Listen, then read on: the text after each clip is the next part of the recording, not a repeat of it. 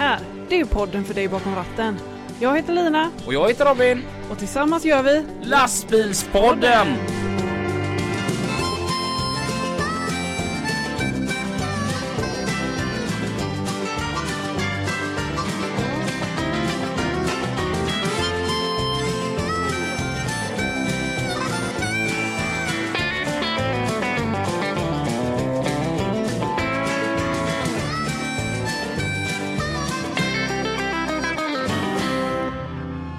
Herregud vad gött det är att vara tillbaka igen. Yes! Hur är det? Det är bara bra, hur är det själv? Härligt. Jo då, det är kanon. Ja, Har du haft en bra vecka? eh, ja mycket att göra nu på kranbilssidan. Mm. Mm. Mm. Jag hade en sån perfekt fredagkväll igår. Jaha, Ja. Jag och Jocke Sterner, vi eldade. ni eldar. Ja. Men eh, ni hade väl tillstånd för att elda då antar jag? Ja, Ja. det är klart vi har tillstånd. Ja. Ehm, och, Vad eldade ni? Mm, Det vill du inte Gam- säga. nej. Gamla däck. nej. nej, alltså så här, gammalt ved. Alltså, ja. Ja. Okej. Det var så mysigt. Ja, det kan jag förstå. Vi skulle bara elda upp lite smågrejer. Ja. Vi satt ju där till klockan var midnatt i natt och bara vet, satt och småpratade. Ja, Vad skönt det är liksom. Det är livskvalitet på något vis. ja. Härligt. Mm, det var riktigt gött. Ja. Har du planer idag då? Eh, nej. Vill du ha planer med mig sen? Ja. ja, Ja, jo, jag är alltid gärna med dig. jag är barnfri och manfri Mm. under dagen. Så att jag leker gärna med dig. Ja, men då kan vi hitta på något kul. Ja, det Mm. kan vi göra. Eh, gick du upp tidigt idag? Ja, Mm. fast inte så tidigt som jag brukar, men jag gick ju nog upp eh, klockan åtta. Mm. Mm. En som gick upp riktigt tidigt idag, det var Lennart på PG Export. Jaha, För han har bakat dagens fika som vi ska mumsa på samtidigt som vi lyssnar på trafiken. ja. Trafiken med Pippi och Mats. Ja, tack för det Lina och Robin. Här har vi... mm, Vem, vem har vi här? Jag heter Mats Olsson och jag jobbar som vägtrafikledare på Trafikverket Göteborg. Där vi tar in information från allmänheten och polisen. Så lägger vi ut det på webben och så pratar vi ibland med vår eminenta trafikradioreporter. Och det är ju naturligtvis Pipistrello, the one and only, och som då rapporterar trafiken i läget. Och vi är ju så glada för att vi får lov att vara hos Lina och Robin. Och jag vet att Lina och Robin har ju också en myndighet hos sig då. Det är Håkan Klingborg som är trafikpolis. Och det ska bli intressant också. Och vi är också naturligtvis väldigt glada att ni sponsrar oss eh, med, med härlig fika. Det ska vi berätta sen. Och det är faktiskt Solkungen.nu och Kloma Däck som är med och eh, ser till att vi får fika lite grann. Och Mats, du har ju köpt med dig fika, men det tar vi lite senare. Vi fick ju då en förfrågan ifrån förra avsnittet att vi ska ta upp det här med A-traktorer. Amen. Och Mats, du bor ju ute i obygden. Är det vanligt där ute? Jag får säga att eh, jag flyttade ju dit eh, 2009 och jag får säga att det senaste året har det exploderat med A-traktorer.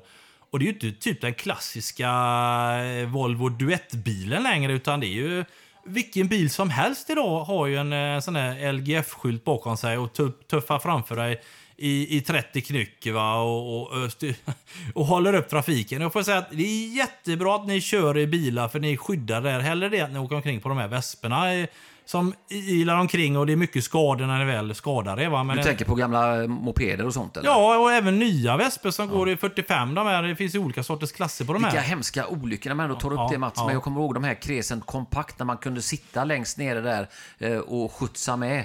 Och med fötterna upp på navelkapslarna. Mm. Ja, nej. gärna i flipflop och inga hjälmar eller någonting. Usch.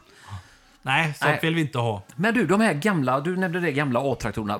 Var det duetten? De är ju fina i del när man ser dem ja. alltså. Det är ju fantastiskt. Ja, för mig är en A-traktor, det är ju en Volvo, gammal Volvo Duett som de har byggt om då. Men vad är det du säger nu? Vad är det som har hänt nu då? Ja, nu kan du se en Nissan Navara eller en Porsche, eh, Porschar eller Volvo 850 eller till och med en V90. De har byggt om och BMW. Alla möjliga sorters bilar idag är ju då A-traktor det plötsligt. Ja, jag är ju uppe och sänder mycket i Kungälv och eh, där ser man då, och även sådana här pickuper har sett en del Ja, också, ja. stora. Och eh, förorsakar ju en hel del problem också i trafiken. Ja, det gör de. Men det är inte därför vi tar upp detta nu här, utan det är ju att det har blivit eh, en grej av detta att när de bygger in i växellådan eller det är, något, det är någonting i, eh, som de kan styra med fjärrkontroll och helt plötsligt kan de köra mycket fortare än vad de kan göra i, som de är tänkt att göra. Och det här har ju då orsakat en massa olyckor.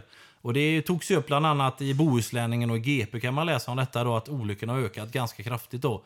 Eh, och det är inte så konstigt om de nu kör mycket fortare än vad de egentligen ska göra. Och en A-traktor då med det, den utbildning du får där, det är ju inte som samma utbildning som du får när du tar ett bilkörkort.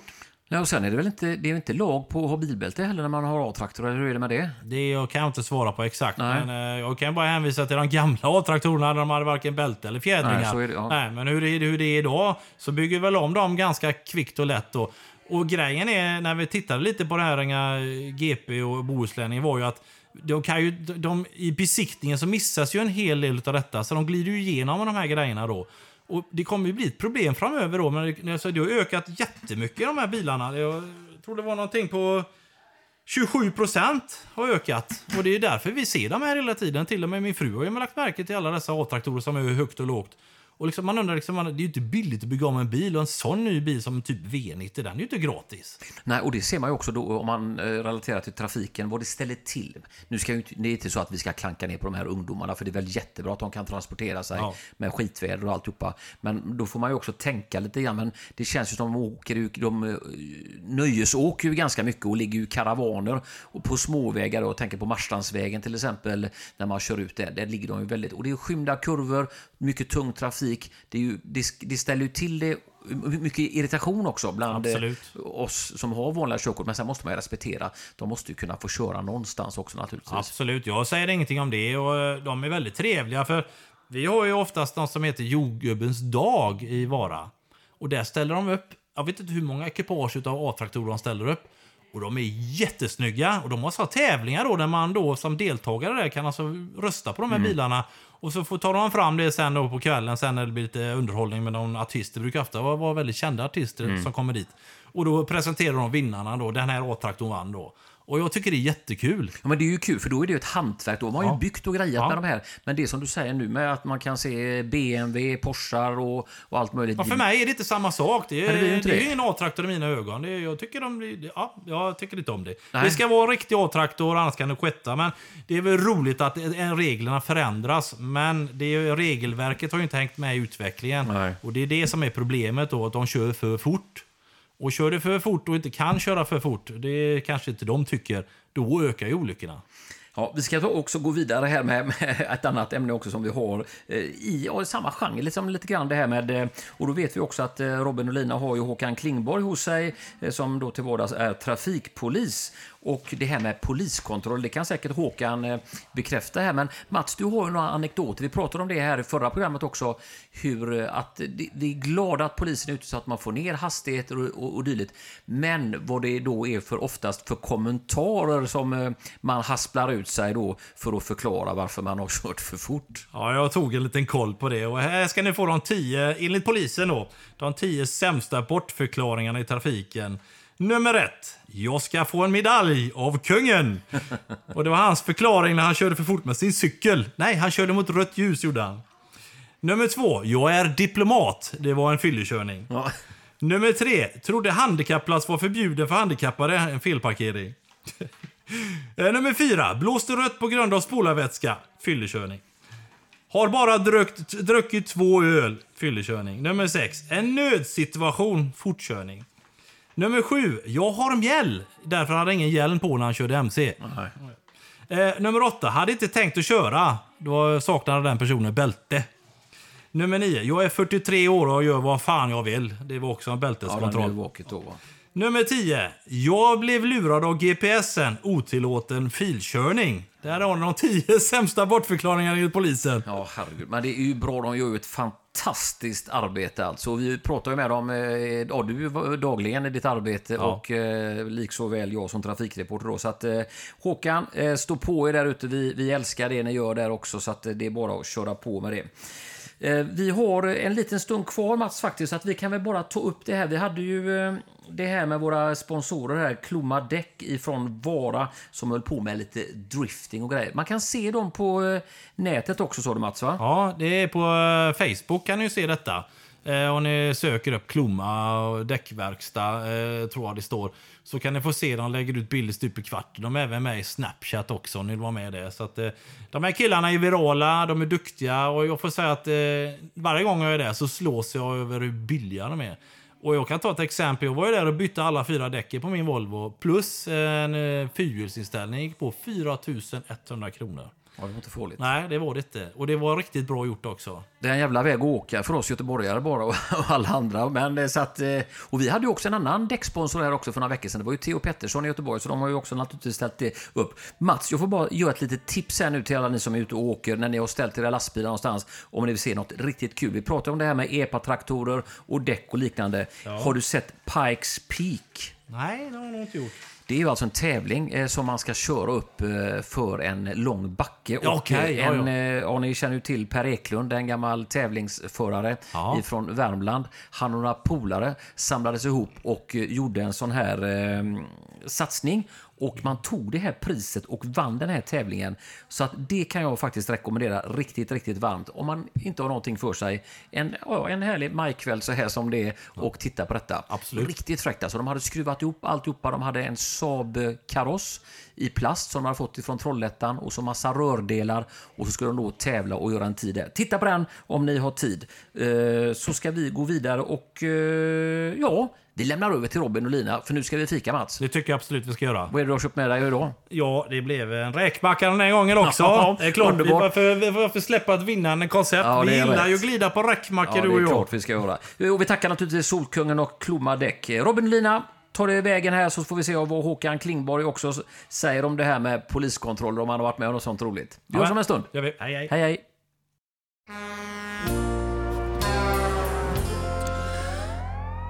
Det var bra avsnitt den här veckan. Och eh, de har ju börjat presentera dagens gäst. Nu gör vi det ordentligt. Vi säger varmt välkommen åter till Håkan Klingborg, ifrån. trafikpolisen i Göteborg. Varmt välkommen hit. Välkommen. Tack så mycket. Kul att ha dig här igen. Kul att vara här igen. Eh, Det var väldigt roligt att se hur du satt och nickade när Mats räknade upp bortförklaringar. Ja, väldigt många av dem har man ju hört. Ja, framförallt den här med jag har bara druckit två öl, den är ju klassisk. Mm. Jag brukar alltid fråga vad de har köpt av ölen för att eh, då skulle man ju vilja ha en lördag. Ja. Men det har mycket att göra med vad man äter också. Alltså Ja. hur full man blir. Ja, alltså hur du känner dig ja, men det har ingen påverkan på eh, alkoholhalten i blodet. Då har min man ljugit för mig. Ja, Ja. eller så tror han på det. Nej, för att han var ute och sa, men jag har bara druckit två öl, jag, liksom, jag, jag lovar. Okej, och så fick han eh, blåsa i våran dräger. Och den visade ju att han hade mer än vad han borde i alla fall, för två öl. Ja, okej. Ja. Det, det, det kan ju vara så här att eh, alkoholhalten kan påverkas eh, av mediciner och eh, allmäntillstånd och sådana saker, men inte i någon större utsträckning. Nej, okej. Så rent generellt kan jag säga att eh, det, det kanske var 7,5 han hade druckit. Ja, så kan det ju vara. Ja.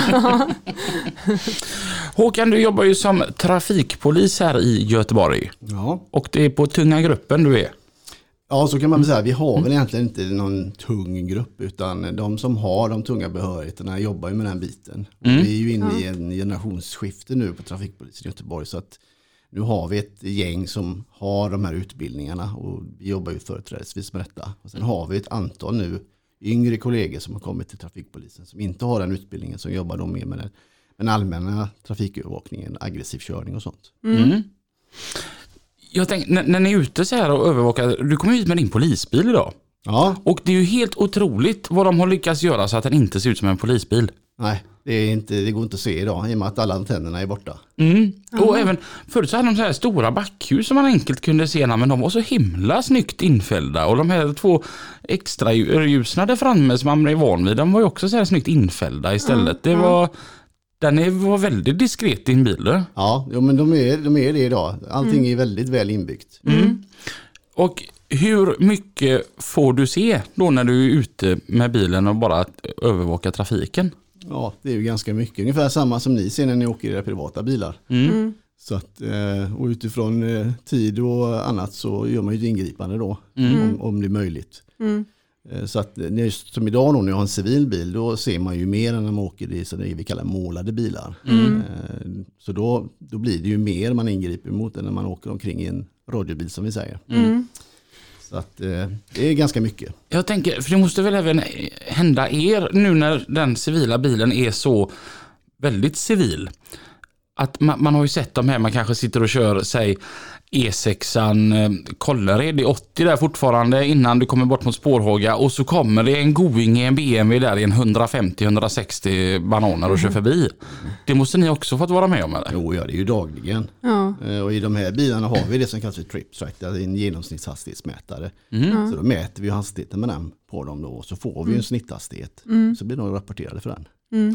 Och hur paffa blir de då? En del blir väldigt eh, paffa. Ja. Eh, för de har ju inte räknat på det när de kör om oss. Och när de väl har kört om oss så innan de hinner bromsa ner så har vi fått en snitthastighet på dem. Ja. Mm. Och de nya bilarna som kommer nu, de kommer att ha inbyggd radar istället. Så då behöver vi inte ligga efter utan då blir det ett ögonblicksblick, en ögonblick när den radarn plottar ju hela tiden. Så det är bara att gå in i filmen sen och ta ut en, en bild när det gick som fortast. Ja. Kan ni köra mötande då också? Det går ja. Oj. Men jag, vad är den spontana kommentaren? Då, när de har legat där i 150-160 blås och dratt om dig och så, och så blir de jättepaffa. Alltså det vanligaste är ju att man ser att eh, är det en två meters kille så är han bara 1,60 eh, och så säger de förlåt.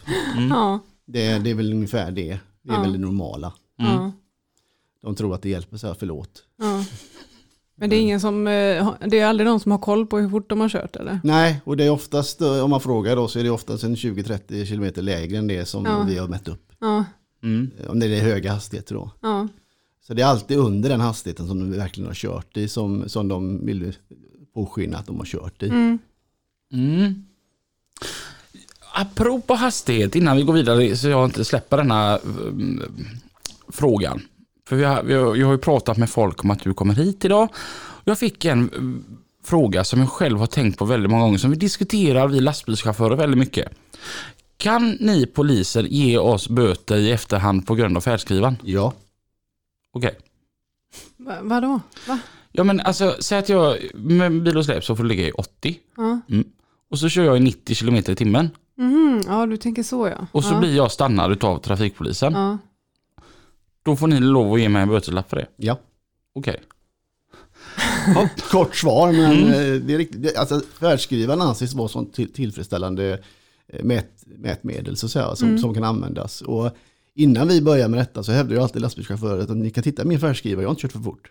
Då helt plötsligt så säger han, "Ja, men min färdskrivare visar inte så fort och bla bla bla. bla. Nu när de helt plötsligt kan göra det, va, då, då vill de inte veta av att det ska kunna få lov att göra, för då är inte det tillförlitligt säger de. Mm. Men den är tillförlitlig. Sen har vi ett avdrag på färdskrivaren som ska göras eh, Mm. med minst 6 km. Så har du kört i 92, då blir du rapporterad för 86. Mm. Och sjutton. Så jag kan, jag kan bara nämna en, en vanlig eh, fortkörning på E6 kan vara då bil och släp ner för Hallandsås som vi tar i Sandsjöbacka. Mm. Får man böter för det? Ja. Om man har kört för fort alltså. Ja. Ja. Rekordet är 142 km i timmen med 40 Oj. ton apelsiner ner som jag känner till. Oj. Jösses. Men hur, eh, jag tänker när man kör eh, bil och, och släp, vad, vad är det för eh, liksom, bot på att köra över 80 km i timmen då? Ja, det är ju samma som en vanlig hastighetsöverträdelse. Alltså så många kilometer över den hastigheten som du får lov att köra. Mm. Så att det, det börjar ju med 1 till 10, sen 11 till 15 och så Ja, men för ökar jag tänker lastbilen stannar ju vid 90. Ja, om, eh, men det är ju att uppmäter vi en hastighet så är det ju den hastigheten som är över det Ja. den får lov att köra i. Ja. Så är det ett, ett 80-ekipage och vi har mätt upp den till 92 Mm. med, med färdskrivaren då, då blir det ju 86 km timmen. Mm. Har vi laser så är det bara 3 km avdrag så det är 92 då så blir det ju 89. Ja, okej. Ja. För jag tänker, jag, då- jag brukar oftast ligga då som 82-84 ungefär. Det tycker jag är en lagom marschhastighet. Ja. Annars så sackar han av så himla mycket. Ja. Och så kommer man över ett krön. Och så tänker jag ju sådär lite smart, både ekonomiskt och miljömässigt, att man frirullar lite. Ja. Och då begår jag ett lagbrott då som jag kan bli straffad för längre fram. Alltså det beror ju på hur fort du kör. Men alltså, det är som jag sa här va, att eh, de som ligger mellan 80 och 84 som du sa va, på rak i vägen, de ökar inte så mycket utför så att eh, det har någon betydelse. Du kommer inte över de här hastighetsbegränsningarna. Men ligger du på 89 som många är inställda på, då, släpper, du- då rullar det på ganska bra utför. Och frihjular du, då kan det ju bli, bli liksom ännu, ännu värre. Så att eh, ligg på växeln och släpp på utför. För att du drar inte mindre bränsle för att du frihjular. Mm. Utan det blir ju samma och så har du ju ändå motorbromsen också då. Mm. Och det är det som händer på Hallandsås till exempel. Mm. Jag tänker eh, åter till Mats Olsson där, som tog upp de här tio vanligaste eh, kommentarerna man får. Vad är en vanlig kommentar du får från lastbilschaufförer du har ett snack med? Den vanligaste, Mm. gud vad bra att ni kollar det här. Mm. Det är faktiskt så, men det finns en, eh, en, en mytbildning om att, eh, att alla tycker vi ska hålla på med annat och det är en del. Men alltså nio av tio, de är tacksamma och glada och Ja. käcka och trevliga. Det vill jag skicka ut till de lastbilschaufförer som hör detta. Att det, är, det är faktiskt min bild. Mm. Att eh, det är, ett, det är ett positivt möte. Mm. Men sen finns det ju alltid några som Ofta kanske det beror på att man själv inte riktigt har rent mjöl på sig. Man är rädd att vi ska hitta det då. Va? Mm. Då kan man vara lite, lite aggressiv, eller aggressiv, men ha en aversion mot oss. Eh, och har jag bara en bra dag så berör inte det mig. Mm. Så att, eh, Men jag kan tänka mig att folk är lite mer lugna nu efter den digitala färdskrivaren. För jag tänker att eh, det är lättare att hålla koll på sig själv, att veta att man har rent mjöl i påsen. ja men så är det. För jag vet när jag körde på de här di- diagrambladen så var det ju liksom att man visste inte riktigt och det var svårt att räkna själv och sådär. Ja, nej, men Mm. riktigt. Så de nya färdskrivarna är ju fantastiska på det viset. Ja, Man ska inte behöva bryta mot några regler. nej.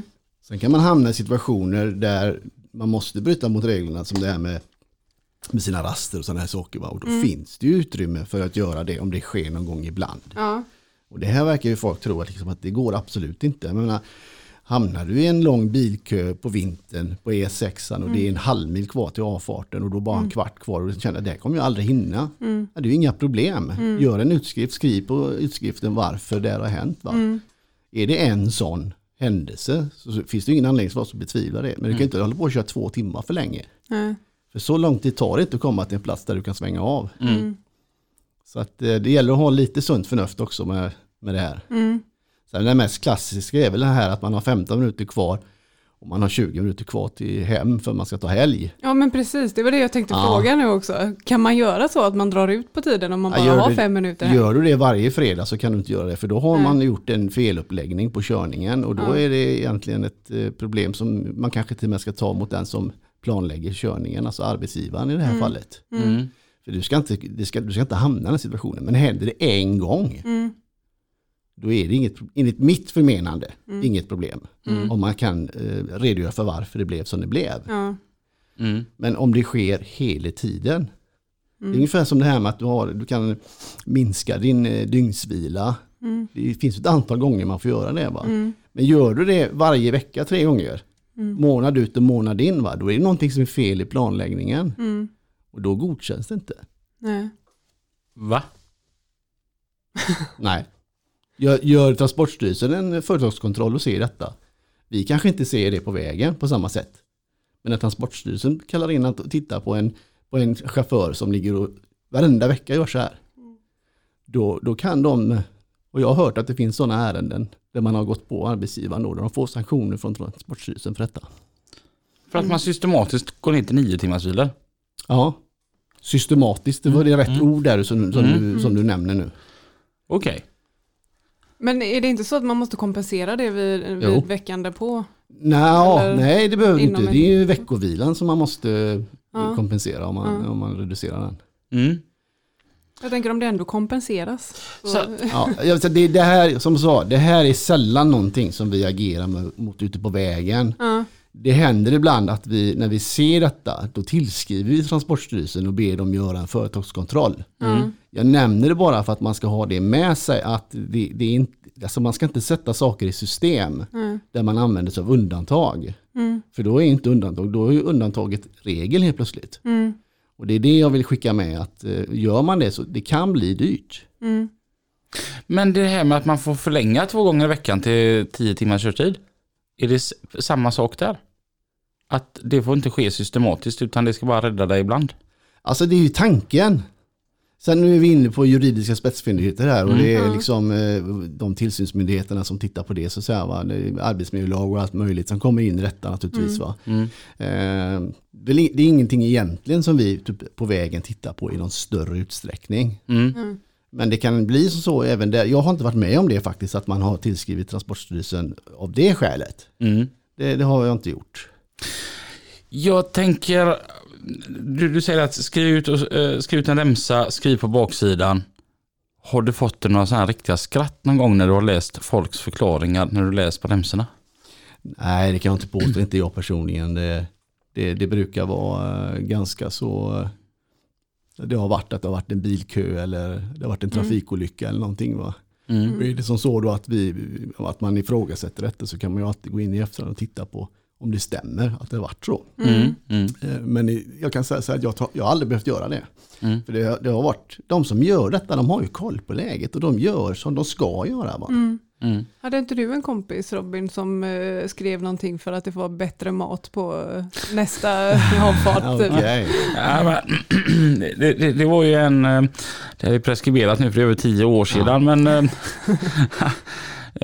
de- de delade bil med varandra eh, då och så eh, Olle då som körde ena veckan när han läste vad hans byteskollega då hade skrivit ut ibland för de här lapparna låg i bilen. Så var det ju typ ehm, vad fan var det det stod? Så här. Parkeringen full av polacker var tvungen att åka lite längre till. På, på, grund, på grund av prisdumpning och full, för, så har vi fullt av öststatare här i landet vilket gör att jag inte kunde parkera. Var tvungen att köra över 20 minuter. Ehm, var inte hungrig när körtiden var slut, blev hungrig 20 minuter senare. Eh, fanns inget bra matställe när körtiden var slut, visste att det fanns ett två mil längre fram, därför kört över 20 minuter. Ja. Hade jag sett sådana hade jag nog dragit öronen till mig lite grann. faktiskt. Det, det hade jag gjort. Jag tror det handlar om att han vet att han har gjort fel, men att han vill göra något roligt utav det. Ja, Mm. han vill skämta bort det och hoppas att polisen tycker det är kul och säga ja men det är lugnt. Ja, men det, det, var ju, nej, men det var ju lite som när jag, jag tänker så här, vad fan ska man säga? Vad fan ska man göra då? Det var ju som när jag blev tagen i en um, stolpe, sån här hastighets... Ja. ATK-kamera. Sån heter det ja. Sån blev jag tagen i. Jag fick en jättefin bild på mig hem då när jag hade min XC70. Och så tänkte jag att ja, men, ska man skicka tillbaka den upp till Kiruna då. Och det var min första fortkörningsbot.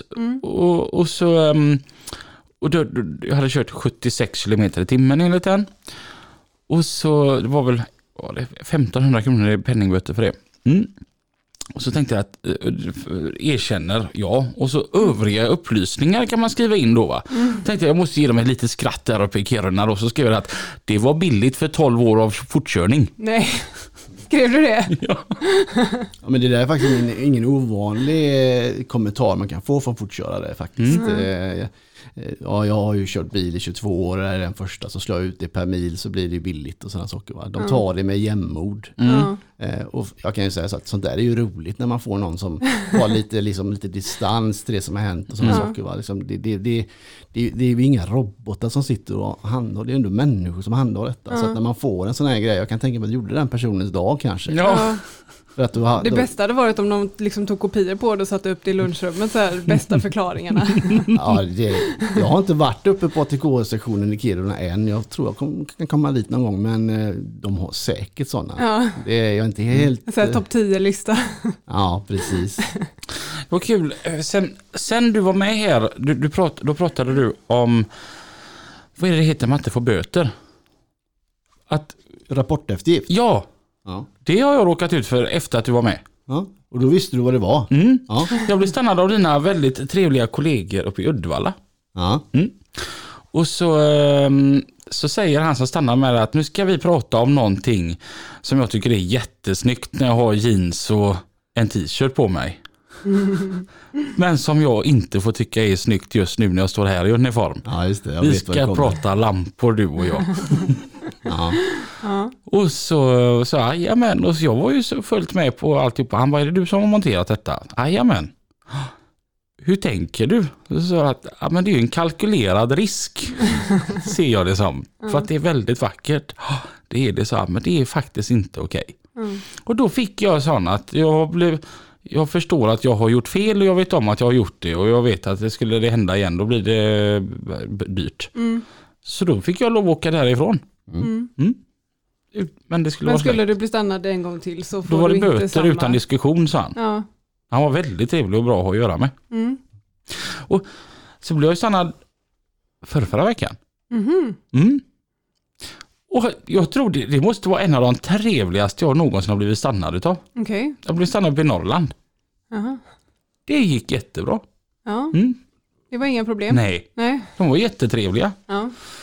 Så inga konstigheter, jag fick väga mig. Det var kul. ja, inte, inte, inte, inte, inte mig, Vad för det, det, det, hade inte varit lika roligt. Jag, det är mest ångest när jag ställer mig på vågen. Men eh, det, det, var, det var roligt. Ja. Jag tror lite efter att vi hade eh, Håkan här sist så fick man en lite annan syn.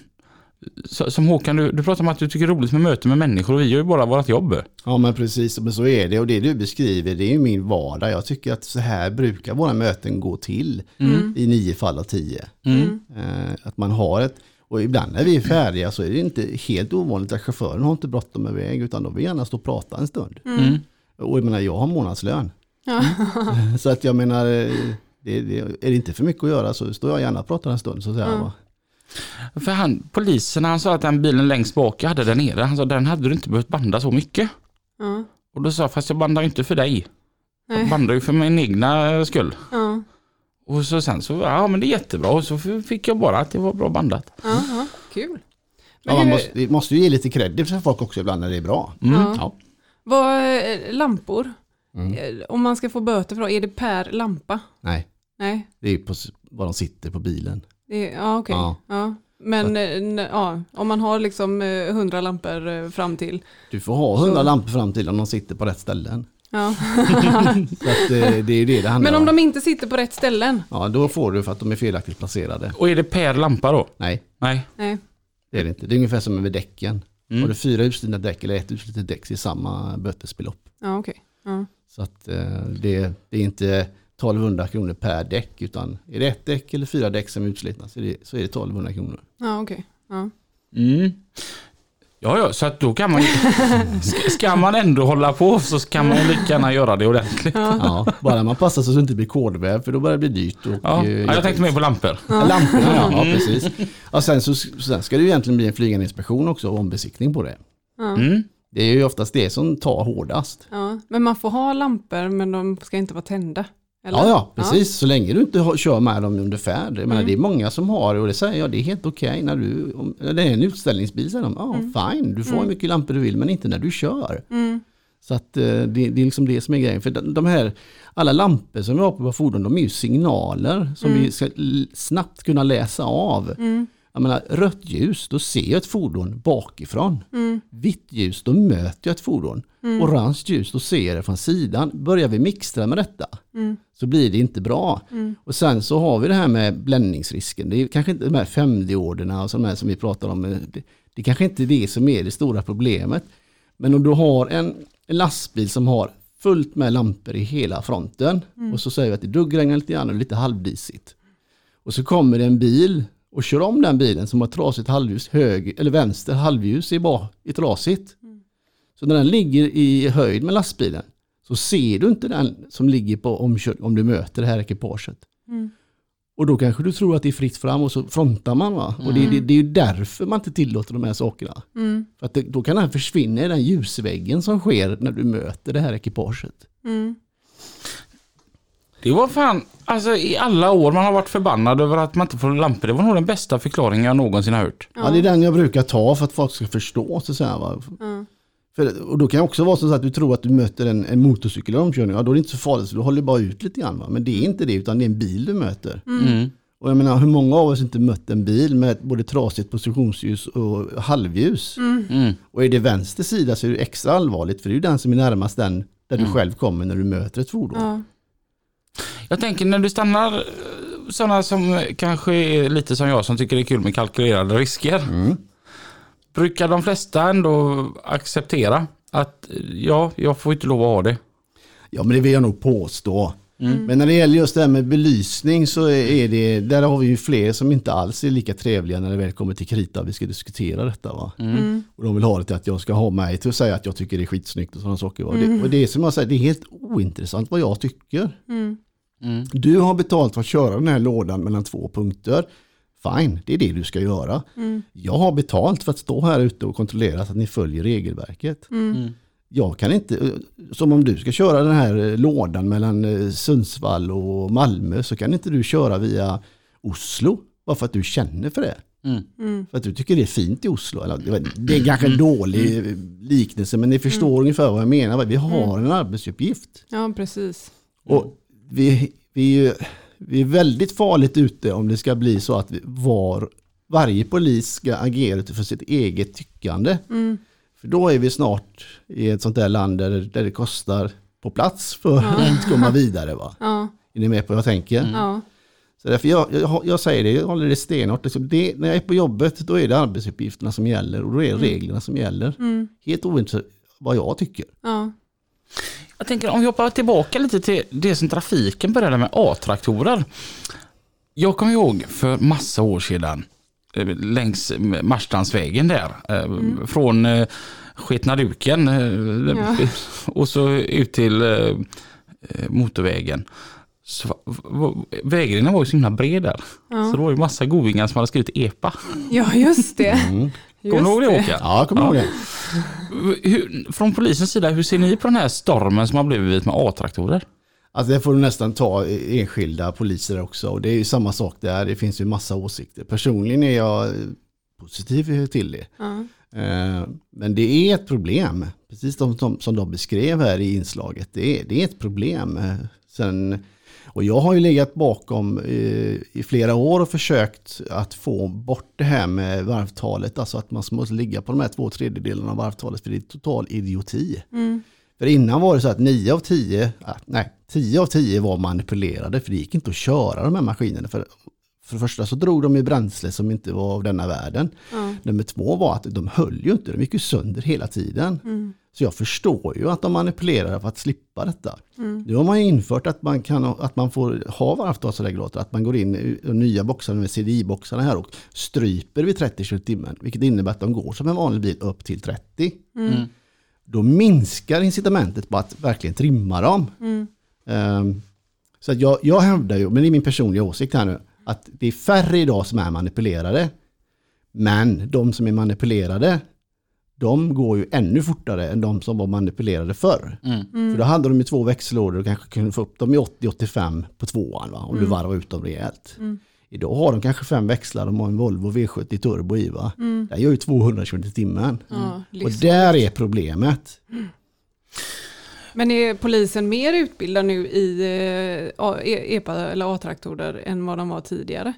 Ja, det vill jag nog påstå, för går vi tillbaka 10-15 år i tiden så var det bara vi på trafikpolisen och några få intresserade, mig undertecknad då, som höll på med detta. Ja. Eh, I och med att det här har blivit en sån expansion på detta så har man ju även i lokalpolisområdena sett problematiken vilket gjort att man då har utbildat eh, poliser i områdena som har det som vi kallar för flygande inspektion där man kan skriva in dem på besiktning och sånt. Ja, för jag fick ju åka in i en sån flygande besiktning när jag körde A-traktor. Men eh, eh, polisen som stannade mig förstod ingenting. Ja, men du är bara 16. Ja, här är mitt körkort, ett papper. Va? Jag fattar ingenting. Bara, äh, du kan åka. Ja, Nej, men precis och så, så är det ju. Och det, men idag skulle jag nog påstå, sen fem år tillbaka i tiden, så är de flesta poliser idag är medvetna om vad det här är för fordon och vad som krävs. Ja, Men 10-15 år sedan så var det absolut inte så. nej. Det, det är helt riktigt.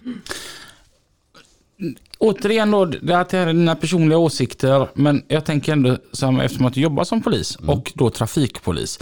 En sån här liten moppebil du vet, som är gjord av plast.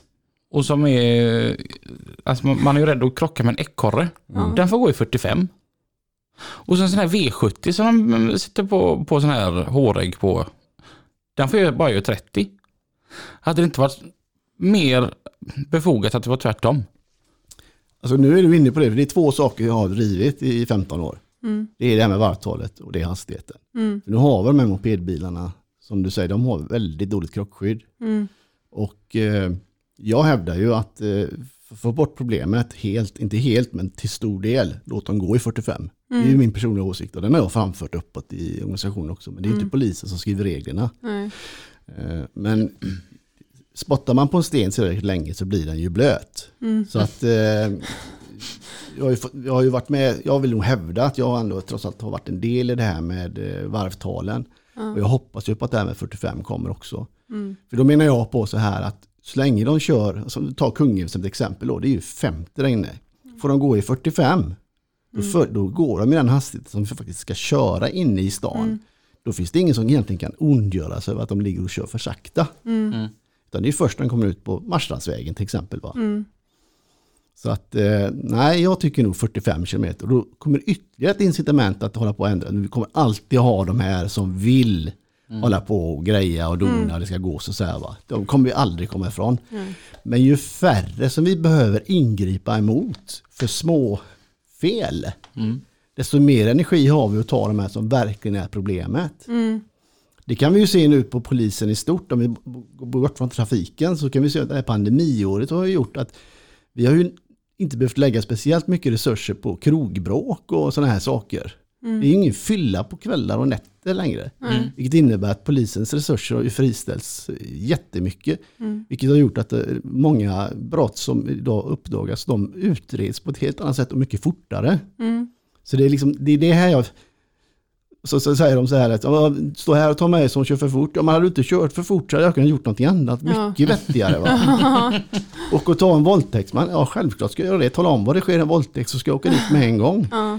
Men så länge folk inte följer systemets regler så måste man ha någon som övervakar dem. Mm. Har du inget vettigare för dig att göra? Jo, det har jag, men så kommer du din idiot och kör för fort. Ja, tanken finns ju där men jag säger ju aldrig så. Palmes mördare har jag hört många gånger att jag ska ta. Den är inte ovanlig. Alltså, Nej. Men nu har de ju sagt att de har hittat det så att nu kan de inte använda det argumentet längre. nej. Jag tänker det, det måste vara många som kör med exakt samma och så tänker de själva att de är de första som kommer på det. Ja, det känns så ibland. Ja. Ni lyssnar på lastbilspodden. Med Lina och Robin. Där vi la ut en fråga på Facebook. Eller, Vi sa att eh, du skulle komma hit idag Håkan. Och vi har ju fått en massa frågor ifrån våra lyssnare. Jag tänkte vi ska försöka beta av så många vi kan. Mm, för- Många handlade väl om lampor va? Eh, ja, eh, vi fick alltså in massa frågor. Eh, vi, vi, vi kan börja med de här, jag tycker de här var bra. Från Jonny. Har två frågor till Håkan. Tror du att det kommer lagliga inskränkningar om inredning i lastbilar som att man sänker stolsunderrede och sätter i bakelitrattar i lastbilar och liknande? Samt, får ni och era kollegor utbildning för att se skillnaden på ett regumerat vinterdäck och ett riktigt vinterdäck? Detta undrar jag på grund av de stölder av däckstommar som pågår i Sverige och som antagligen regumeras utomlands med Freespeak MS-märkning på stommen. Den första frågan förstod jag inte riktigt men eh, Det här med när, när man byter ut eh, stolsunderredet eh, på bilen så att man kommer lägre ner på golvet och att man sätter i en bakelitratt Det istället. är ju fräckt att sitta långt ner och ha ratten här uppe. Ja, ja. Och så ska den vara stor och i ja, jag bakelit. förstår. Ja. Ja, alltså det, det, är, det är med allting annat. När gör man en flygande inspektion så kontrollerar man ju liksom eh, det, om man sätter sig bakom ratten och, kontrollerar reglage och sådana saker. Då kan jag sitta där och se ordentligt och liksom, det är inga konstigheter. Ingenting som jag bryr mig om. Det, och det finns ingenting. Och det här med regumerade däck, nej vi får ingen utbildning på det. Mm. Eh, Vad, vad är det? Regumerade däck, ja. Ja. det är när du tar ett eh, däck som är redan är använt men utslitet och så lägger du på en ny slipbana Okej. uppe på den så Ja. säga. Va? Och är det inte godkänt? Under vissa förutsättningar inte men eh, det är lite olika där. Ja. Fick tre stycken riktigt vassa frågor från eh, Madde. Madeleine Ingves. Jag tänker vi tar dem mm, ja, ett, två, tre. En och en, Mm, mm. En och en, tack. Vad är det värsta som du har upplevt vid en kontroll? Alltså dålig lastsäkring, kör och vilotidsbrott etc. Oj. Det värsta. Ja, men det är väl eh, egentligen när, när vi kommer till lastsäkring när det finns extremt tunga saker som står på som inte är förankrade överhuvudtaget. Mm. Överhuvudtaget. Ja, Då tänker de att skåpet ska... ja precis. Det, det, vi har ju mina träbrädor i, i kapellet. Ja. Det, det håller detta, men den här väger 7,5 ton. Ja. Nej, det, det håller inte. Eller det liksom bara ett spännband på, på fyra sådana här pappersrullar som står inne i ett skåp. Liksom. Ja. Det är liksom som man har dratt bak för att det inte ska gå bakåt. Ja. Alltså det, det, det, det, det är nog det mest skrämmande när man ser det rent generellt så. Mm. Det måste även vara ett kvitto på att ni behövs. Ja, tyvärr är det ju så. Mm. Ja, Eh, Och, men om man då blir rapporterad för att man förankrar så dåligt, finns det olika steg i det? Nej. Utan det är bara för Det är samma böter för den som kör med sin lätta släpvagn med löv som virvlar ut eller om du kör med 7,5 ton obandat. Mm. Eh, Jag hoppas och tror att det kommer komma en förändring där, det har jag sagt i fem år nu i och för sig. Men eh, vi har ju när det gäller farligt gods till exempel, då är det dyrare. Mm. Så att då är det. Men jag tycker på att är det, är det en yrkestransport och det här sker så ska det vara dyrare än om Svensson kör liksom lite tegelpannor. Ja, men jag, jag tänker att det finns ju ringa narkotikabrott och grovt narkotikabrott. Och med att, jag menar, löv kan ju inte döda en annan medmänniska, men det kan ju en 7,5 tons grej göra. Precis. Precis. Och därför menar jag också att man kan ställa högre krav på en person som de facto har utbildning på hur det ska vara. För det ingår i utbildningen när du tar tunga behörigheter att lastsäkra. Ja, det bör Det vara inget- ett krav att få gå om den här eh, eh, Ja. delen i lastsäkring tycker jag. Om man, eh, Det också, ja, det också. Men samtidigt så tycker jag att man kan ställa större krav och då kan man få högre böter på grund av att det, liksom, det här kan du. ja, Är det Svensson som har hyrt en släpkärra och gör ett litet fel, det kanske inte är jätteallvarligt, eh, men det kan tappas och sådana saker. Och det ser vi ut efter vägarna, det ligger ju stolar och det ligger bord och grejer. Va? Det är ett jätteelände för fält, speciellt för en annan som kör motorcykel. ja, Så det är jättefarligt. Men där kan jag ändå se liksom att det kan vi inte ställa riktigt samma krav kanske när det kommer till de här bitarna. Men en yrkeschaufför, den har ju de facto gjort ett test och talat Mm. Ja. om att det här kan jag. ja. Jag vet vad som gäller. Maddes andra fråga. Finns det någon lag som du skulle vilja ändra på? Eh, inte så på rak arm kan jag inte säga. Jag är ju glad att, eh, hade du frågat den här frågan för en tre, fyra år sedan så hade jag ju sagt att det skulle vara förbjudet att sitta med telefonen och köra bil. Eh, och det har ju kommit. ja. Eh, Men A-traktorerna håller du på att försöka ändra? Ja, men, Ja. ja precis. Att man ska, men det är inte en lag utan det är ju en föreskrift. Och det är Ja. som han, de sa här tidigare, den är ju från 1940 grundföreskriften. va, Så att det är som för kriget. Ja, Så att den behöver ju uppdateras. Tredje frågan. Får ni tilldelat vad ni ska försöka stanna eller får ni välja själva? Det där är ju en fråga som inte går att svara ja eller nej på. För att det är ju som så här att eh, trafikpolisen, vi har ju ett mål som vi får från EU på hur mycket yrkestrafik som ska kontrolleras under ett år. Mm. Eh, sen utifrån det så väljer jag ju på vägen var jag vill stanna. Mm. Eh, och den, de stoppen vi gör, de bygger ju oftast på den erfarenheten man har som eh, polis, vad man har hittat fel. Mm. Eh, och, det behöver, och då är det så att det är trots allt så här, det är vissa företag som utmärker sig. Mm. Som vi vet att de här behöver vi kontrollera, de blir ju stoppade oftare än andra. Jag kan väl eh, slarvigt säga så här också, det kan ha till viss del att göra med olika landsmän också. Utan att säga för mycket så finns det ju en, ett incitament där som man går på när man är ute och jobbar. Men inte i övrigt, utan det är de här målen vi har från EU. att Vi ska göra så många kontroller per år. Och sen väljer jag vad jag vill kontrollera. Och när vi är inne på utländska så vet jag att det är många som anser det att ni stannar mer svenska av bekvämlighetsskäl än att ni stannar utländska fordon. Det där är ju helt fel. I, i min värld så stannar jag fler utländska fordon än svenska rent generellt. Sen får man inte glömma bort det att eh, jag har stått på gränsen till Norge nu i två dagar och kontrollerat den här coronalagen så att alla som, som ska in i Sverige måste ju kontrolleras. Och då kollar vi den lastbilen, då kollar vi allt. Och det kom ju x antal svenskregistrerade lastbilar men det var inte många svenska chaufförer som satt i dem. Nej. Och det är min erfarenhet när jag är ute och jobbar också. Att jag kan stoppa en svensk lastbil men det är en filippinare som sitter bakom ratten eller en rumän eller någonting annat. Va? Ja. Så att eh, bara för att du kör förbi och du ser att det står ett svenskt ekipage behöver inte det alls betyda att det är en svensk chaufför. Nej. Mm. Och tvärtom. Och tvärtom, men inte lika vanligt. Nej. Jag tänker Shannon som var här, hon körde ju för Norge Mm. Ja, med norsk reggplåt. Ja. Och Pelle han kör ju i. Danmark. Ja. Jag skulle säga Norge och danska bilar, där kan vi hitta svenska chaufförer. Det är väl det jag känner, att där kan man hitta det. Så det förekommer, ja. Jag fick en rolig fråga som jag inte har alltså, aldrig tänkt på. Om du har en husbil som väger över 7,5 ton. Då får du inte ta veckovila i husbilen då? Jag har försökt att läsa på det här för jag såg den frågeställningen i, i det här och eh, jag, jag, jag kan inte ge ett rakt svar på det där. Det verkar inte som, eh, ska man hårdra regelverket som, och du är yrkeschaufför till vardags Ja. så kan du inte göra det. Mm. Mm. Det är ju jättekonstigt. Ja, och det är, det är för att då går du, du hamnar rätt, rätt in i kör och vilotidsförordningen för EU där Ja. och där, då, det är det så det är tunga fordon. Okej. Ja. Men du, du skulle även de facto vilja se den polis som ger böter? ja. Men det, det, det får stå för mig. Ja. Ja, det, det, det, det blir ju en lite rolig fråga faktiskt. ja, verkligen. Och jag tror inte, jag kan säga så här att eh, jag tycker inte att rättsläget är helt klart där. Så att eh, det bästa vore egentligen att det skrevs en rapport på det. Så det fick gå upp i, eh, i, i, i hierarkin så att säga. Va? Så man fick ett utslag på vad är det som gäller. Ja. Men har du någon som du kontaktar om du är osäker?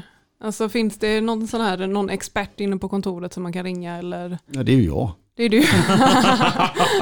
Nej, men jag har ju, alltså jag är ju inte den skarpaste kniven i lådan när det gäller allt så här, va? och när det gäller just yrkestrafiken så är jag ju definitivt inte det.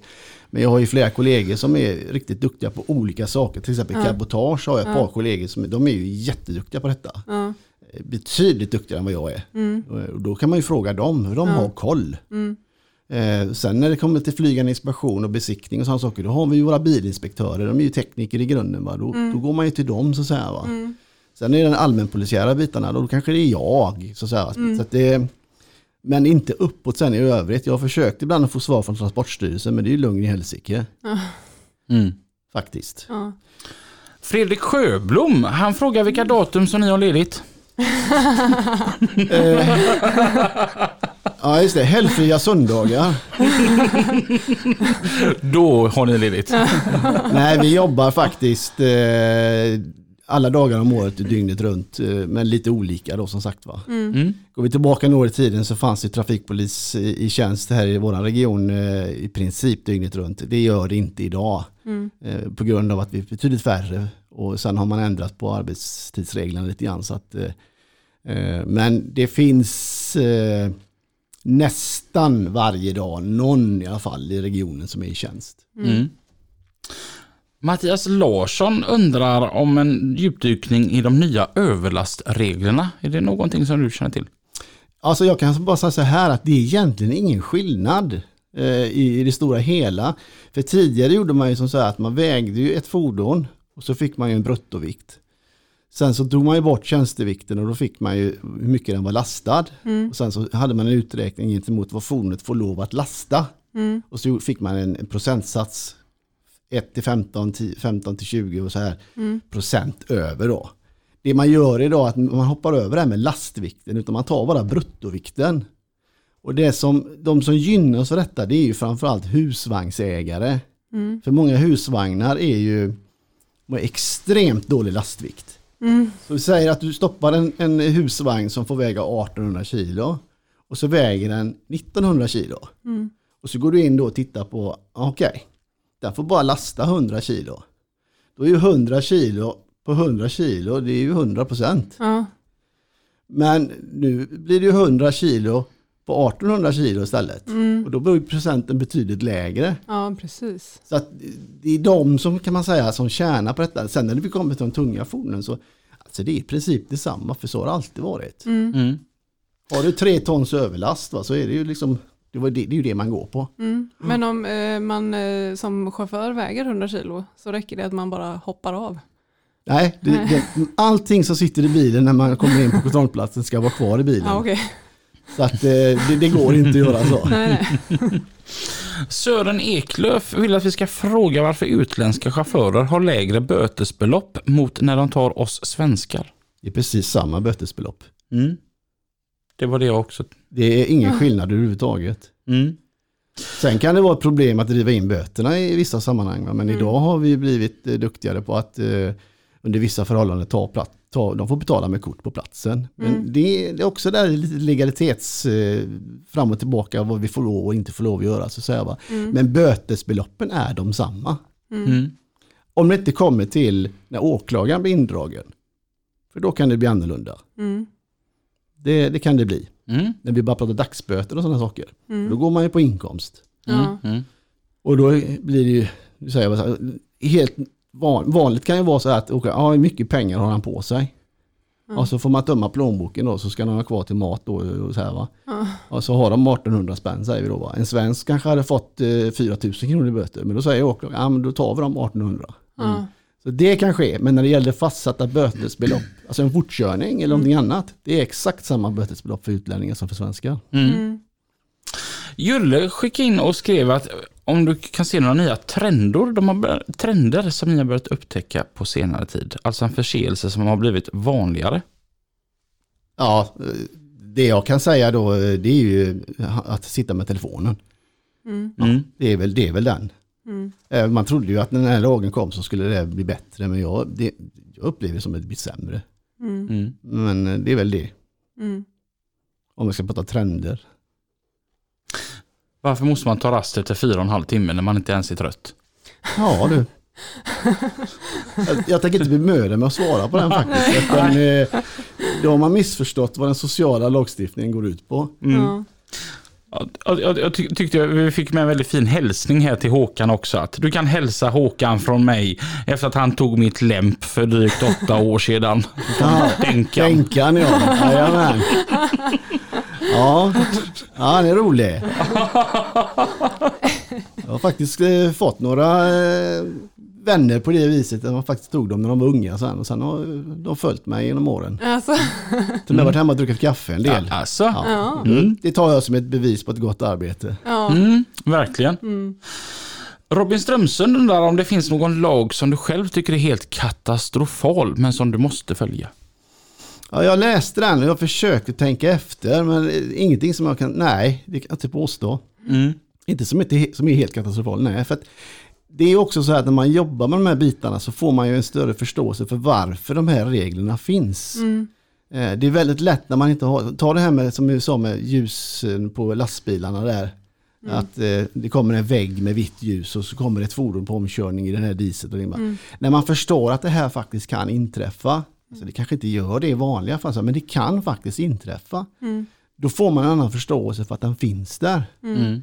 Så att eh, nej, jag kan inte säga att det finns någon så som jag kan komma på på rak arm. Inte inom trafiklagstiftningen i alla fall. Mm. Det finns det ju annat i vårt samhälle som jag kan ha åsikter om.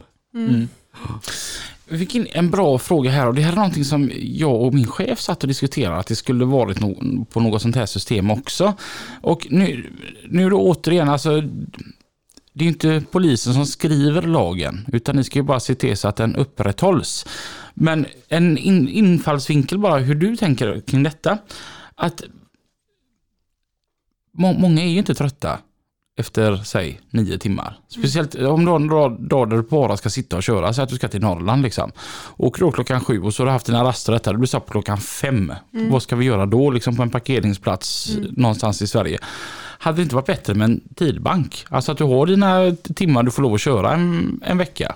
Du har dina 56 timmar men du får lov att köra dem när du vill bara du tar nio timmar varje natt och sover. Var det inte så i USA eller? Det var det kanske. Jag tror att de hade någon sån.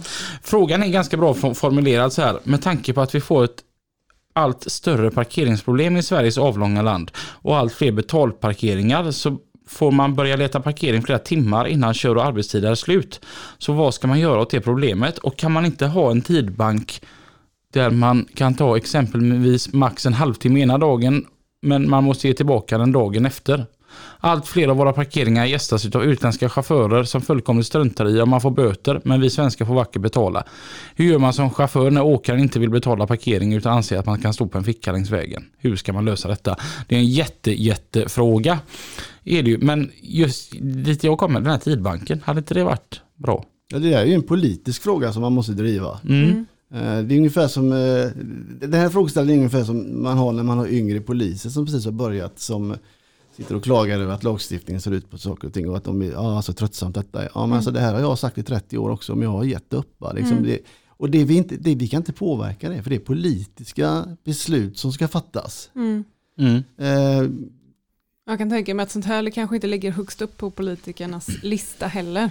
Jag tycker ju ändå annars att just när det gäller yrkestrafiken att den har ju fått ett uppsving rent generellt både Mm. inom EU och i svensk, eh, på svensk ministernivå så att säga, va, av olika anledningar. Så att den är ju mer på agendan idag än var för tio år sedan. Mm. Det är den. Mm. Men du vet det här går långsamt. Mm. Eh, Rent intensivt, jättesnabbt bara det du säger, ja det låter som en idé som kanske går att genomföra men Ja, och genomförs den, då är det min uppgift att kontrollera att den följs. Mm. Så att, eh, och sen vad jag tycker i det läget då, det är helt egalt i det då. Att, nej, ja, jag, får, jag får gilla läget. Sista frågan innan vi tar tra mer trafik med Mats och Pippi. Det är från Emil Cedersjö. Vad skulle du tycka om förslaget att lägga den tunga trafikövervakningen i en egen myndighet så som man har gjort i till exempel Danmark, Norge och Tyskland? Ja, jag tror faktiskt inte på idén. För att det går, i, i lastbilar och sånt så eh, det, det är rätt mycket annan problematik i, i det här. När vi handlar om, ta det här med svenska tullen till exempel som inte får kontrollera lastbilar på väg ut ur landet. Nu är det ju på gång att ändras. Eh, Vad gör vi då när det är civila tjänstemän som inte har polismans befogenhet om de vägrar att stanna? Och sånt. Det, är, det är stora frågor som måste lösas. Mm. Ehm, Så att eh, personligen så tror jag inte på det. Det man skulle kunna göra, att det kan göra i så fall en, eh, för det var ett tal om för 25 år sedan att göra en helt egen enhet inom svensk polis.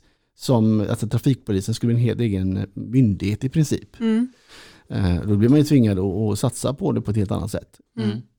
Eh, Och det gjorde man ju genom bland annat anställa de här bilinspektörerna. Då. Men problemet är ju då att det som är problemet är med att vi är poliser är att vi tar sig till så mycket annat. Jag menar, 10% av Sveriges poliskår har ju stått uppe vid gränsen ännu utan Norge i hela, det här, hela den här våren. Så att säga. Det är 10%. Och liksom, hela vår avdelning eh, trafikpoliser här i Region Väst har ju varit uppe där. Så det är, det är liksom, och vi är uppe det fortfarande. Så att det är en väldig massa sånt som det går åt. Så där hade man gjort det så, så är de ju fredade från det. Då kan de ju bara syssla med detta. Men det finns en del juridiska saker som, som måste behöva lösas också. Och vad gör vi då som sagt om det är våldsverkare och annat? Det är ju naturligtvis inte det vanliga, självklart inte. Men man måste ta med det i beaktande. Jag måste bara ta upp där nu när du säger gränsen. Om jag har en snedvriden bild, för många som då som menar på så här att ja, men ni tar svenskar före eh, utlänningar. Men jag tänker som så här att när jag kommer i sådant läge som du precis pratar om här nu att ni står och skyddar en gräns. Att det går lite göttigare för mig för jag är ju svensk. Ni ser här det, det kommer en Hisingspojke. Bara köra förbi. Ja, det kan jag ju verifiera, för så var det. Men jag blev ju trött till slut på att titta på alla de här papperna när jag visste att det inte var något oss. Jag stoppade in huvudet, jag kör en språktest. Åh, jag är från Göteborg, ja det är bra, då kan du åka. det finns säkert någon som kanske lyssnar på detta som kan verifiera att så gick det faktiskt till. Eller så sa jag så här, åh Konungens vägar, hälsar er välkommen till Svea rike. Tyckte de var roligt. eh, nej men så, så var det ju va. Jag menar, man såg att de hade svenskt körkort och så bara stoppade ner och så en svensk registrerad bil och och så, ja, pratar du svenska eller? Ja visst det gör det, jag är från Ia, jag är från Bohuslän. Ja, du får ju vara här va, så med dig. Sen kom nästa svenska bil och så, så sa man någonting på svenska och så kom det fram ett rumänskt pass. Eller en, eh, en vitryss. Ja, pink paper. Liksom, Då får man ju kolla alltihopa va. Så att allting är riktigt. Och vi hittade ju några uppe som, det blev ju stopp och belägg och de har inreseförbud. Asså? Ja, en hade vi igår, eller förrgår när jag jobbade, inreseförbud i fem år. Va? Ja. Hur gör man då? Eller alltså, Ja, han hade inte tillstånd att köra. okej. Så då eh, tog tullen, över, eller gränspolisen över det och så skrev de en massa papper. Det tog två och en halv timme men när han åkte därifrån sen så fick han bara han, ut ur landet och så skulle han eh, fick han inreseförbud i fem år. Mm. Jaha. Det funkar också, det ska ni veta där ute. Det funkar också andra saker. Men ni ser inte detta, det är bara det som är. Jag, jag, jag tänker eh, gränspolisen, de är inte riktigt lika arbetsamma som ni är va? Extremt arbetsamma är de faktiskt. För jag tänker det är väl gränsfall att de arbetar. Ja, det. Jag skulle säga, det, det, lät, det var ett skämt på gränsen. Vi hoppar över till Mats och Pippi. Yes. Trafiken med Pippi och Mats. Åh Mats, du är grym alltså. Du får vi slicka i oss lite fina. Tack för det Lina och Robin också i Lastbilspodden. Och vi är naturligtvis fortsatt väldigt glada för att vi får vara med och leka med er här. Eh, Mats, Ja, många undrar hur egentligen det står till, hur vi mår egentligen. hur vi mår? Ja, det är en väldigt bra fråga. Det, det här har jag undrat över länge, för eh, det här med... Man får ju alltid höra att man har ADHD. Eller att man har Tourettes. Eller att jag är syn och hörselskadad. Eh, och det, det, det kommer titt som tätt det här. Och jag kan inte påminna mig om att vi hade sånt när vi växte upp, Anders. Nej. Nej.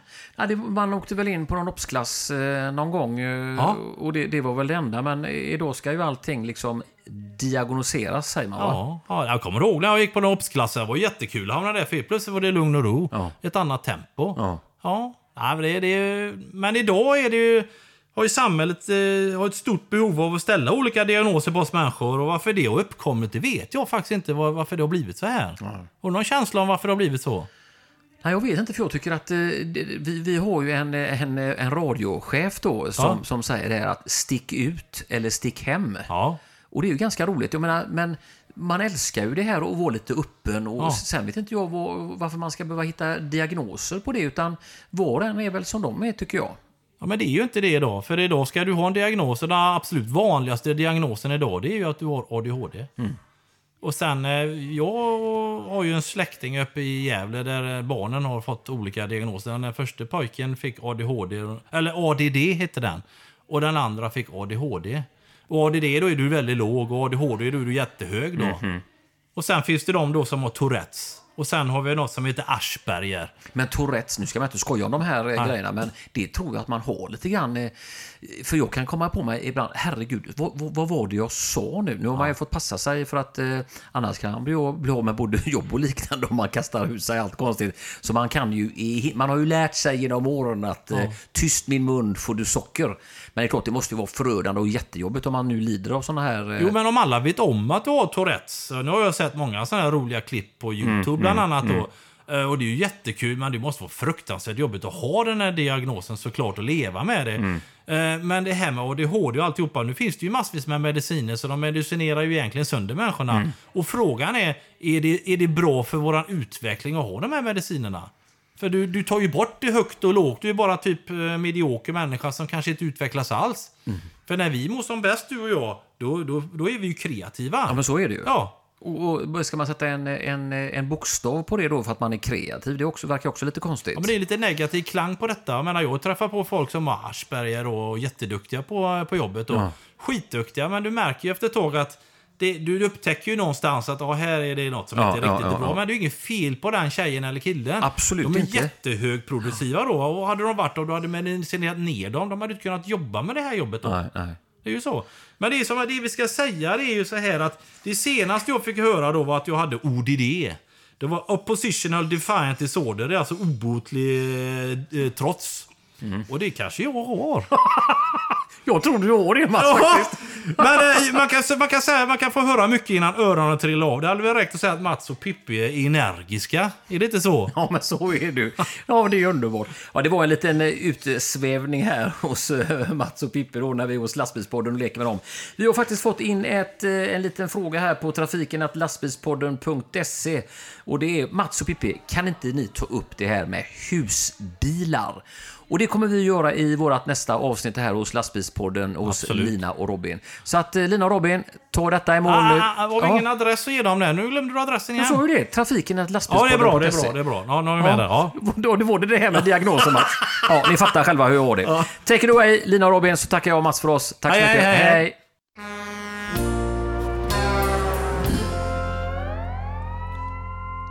Och jag har varit och hämtat kaffe. Ja, och jag har ätit bulle. Så att jag får äta lite bulle här nu. Vet du. Mm. Jag tänkte vi skulle prata lite om mannen bakom uniformen. Vem är mannen bakom den uniformen som jag kikar på där nu? Halvt överviktig, äldre herre i 50, på 55 år, Kungälvsbo. Vad, är, vad är det bästa med Kungälv? Ja, det är väl närheten till havet, Mm. tycker jag. Mm. Så att eh, den har allt, tycker jag. När du inte är polis, vad gör du då? Ja, jag har ett hus som behöver underhållas och en tomt som håller på att anläggas. Jag har fyra ungar. Två som bor hemma fortfarande. En av dem är yrkeschaufför bland annat. Asså, Jajamän. Tösen som fyller 16 här nu, hon vill också bli yrkeschaufför. Så att, oj, ja. så att, ehm, nej, och sen gillar jag att resa om den möjligheten ges. Det har varit lite begränsat nu när man har barn så, men försök att, jag har skaffat husbil ganska nyligen och Mm. försöka komma ut med den. Mm. Det är ungefär det jag sysslar med. Mm. Så kör jag motorcykel också, det älskar jag ju. Så att, Det måste nästan vara det bästa då med att vara polis eller? att, Man får köra motorcykel. ja men precis, när man får göra det. I år fick jag tyvärr inte göra det av olika anledningar. Men eh, nästa år förhoppningsvis då är jag på väg, jag är ute på motorcykeln igen. Mm. Tänkte, Det är mycket underbara motorcykelsvägar ute i Kungälv, Marstrand och Ja, det är det. Det är jättefina vägar. du behöver inte åka långt för att hitta riktigt bra vägar tänker jag. Absolut inte. Mm. Jag har ju köpt en sån här eh, eh, BMW GS också. Så, att, så jag är i Svartedalen. Så att Mm. grusvägarna Ja. det är jättefint. Ja. Tror du att ditt yrkesval påverkat dina barns? Jag tänker som att du ändå har jobbat med trafik. Ja, det kan jag tro. För jag brukar skoja och säga så här för att alla, alla har ju haft A-traktor. Mm. Alla när de skaffar bil så ska det sänkas och det ska göras det ena och det är lampor och det är eh, film och grejer på dem. Och då brukar jag ändå skoja så här, så här "Ja, men det, väl- om det, det här är deras revolt så är jag ganska tacksam att jag inte är på narkotikaroten. så att, eh, eh, men det kan det säkert eh, ha till viss del att göra med det. Att det, det har blivit ett motorintresse hos dem allihopa. Mm. Ja. Jag tänker, om man vill bli trafikpolis, måste man först bli vanlig polis? Ja. Ja. Så att alla poliser egentligen, alla som är som kan titulera sig som poliser, alltså inte civilanställda nu, alltså, utan som är poliser. Vad de än må vara så har de samma utbildning. Ja, vi har en grundutbildning som polisman. Mm. Och sen utifrån det så kan man, och det är det som är fördelen med polisyrket, det är ju inte lönen precis va, och inte arbetstiden heller. Men det är ju fördelen är ju att inom polismyndigheten finns det så extremt mycket olika inriktningar som du kan göra. Så egentligen vilket intresse du har så kan du nästan förkovra dig i det inom myndigheten, du behöver inte byta arbetsplats. Eh, och nu med de här nya teknikerna som har kommit, nu finns det ju en massa nya menar, drönarpiloter och som, ja, det finns hur mycket som helst. Ja. Mm. Och det är därför vi används så mycket till annat. Mm. Jag menar, stå på gränsen, där är vi i princip gränspoliser.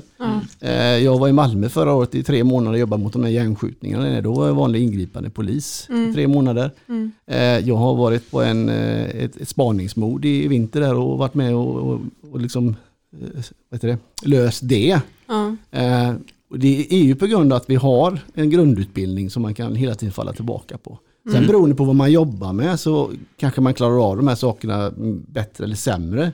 Men trafikpoliser är ju överlag skulle jag säga väldigt användningsbara i mycket. För vi är ju där ute hela tiden och vi gör ju ingripanden som vanliga poliser också. Det är inte bara trafikbrott som uppdagas utan alla busar i samhället kör ju bil på ett eller annat sätt. De tar ju inte bussen när de ska åka och, och råna banken eller något annat. Har de inte en bil så stjäl de ju en. Ja.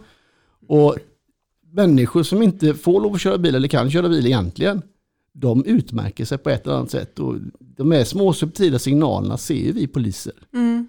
Så att, eh, ja. Det var ett långt svar på en kort fråga. Men det var väldigt bra. ja, jag tycker ändå det är dåligt.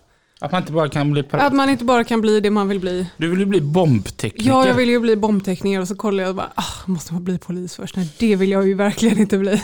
Men nästan alla inriktningar som vi har inom polisen så finns det ju civilanställda. Men det är klart, i yttre tjänst som vi pratar om då. Va? då eh, trafikpolisen är ju yttre tjänst. Vi har ju våra bilinspektörer, de är ju med oss ute. Och de har ingen eh, polisutbildning i bakgrunden. nej de, är ju, de flesta kommer från bilprovningen. Ja. De är ju tekniker i grunden då. Mm. Men de jobbar ju nästan som poliser men de har ju inte då beväpningen och de här andra bitarna. Jag tänker, det måste ju nästan vara roligare att vara bilinspektör än en bilprovare. Även Ja, det är samma sak, men man får komma ut lite och köta med lite folk. Och... Det är väl så de uttrycker det också. De går in, istället för att gå i en hall, Mm. dag ut och dag in. Jag har det en nu, en kille som heter Stefan som var hos oss för många år sedan. Som lämnade oss för en 6-7 år sedan och gick tillbaka till bilprovningen. Och det var lönen till viss del tror jag. Mm. Eh, men han kom tillbaka nu förra året här. För han saknade det här. Mm. Han tröttnade på att gå i hallen igen va. Ja. Mm. Mm. Så att, eh, ja. Men samtidigt så är det så att när det är riktigt busväder, ja, så då är vi Då där det inte ute. kul. Mm. Om man blir stannad i en kontroll, får man kaffe då? Nej, tyvärr inte regelmässigt. Men det har hänt att eh, man har bjudit på det. Ja. Det har jag gjort. Det tycker jag, det borde locka in lite fler människor till Ja, det borde vara lag på. Ja. ja, men jag kan hålla med om det faktiskt. Eh, Eh, Jag var, hade en, en idé för ja, 20 år sedan när jag var ung och dum och inte fattade bättre att jag tyckte vi skulle köpa in glass.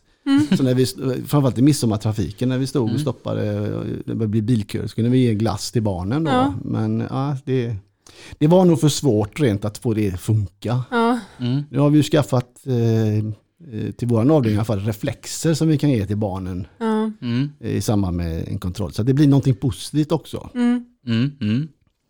Men visst, eh, gamla id-kontrollen här borta när jag stod där mycket, det hände, det är ju ett riktigt sketställe. Det är ju kallt och vidrigt där alltså. Och Där är en annan som har fått komma in och få en kopp kaffe när jag har varit där och jobbat. ja. Här har jag inte haft någon hittills, men eh, ja, det, jag kan tänka mig att det är någon annan som bjuds på en kopp kaffe emellanåt. Mm. Jag tänker, många blir väldigt nervösa när de ser att det är en tunga fordonskontroll. Och de, de ser den där bussen. Mm. Mm. Jävlar vet du, och nu lägger bussen jämte mig här. Ska man vara rädd? Nej, det tycker jag inte. Har du gjort efter bästa förmåga så rätt som möjligt så tror jag att du kommer klara det väldigt, väldigt bra. Mm.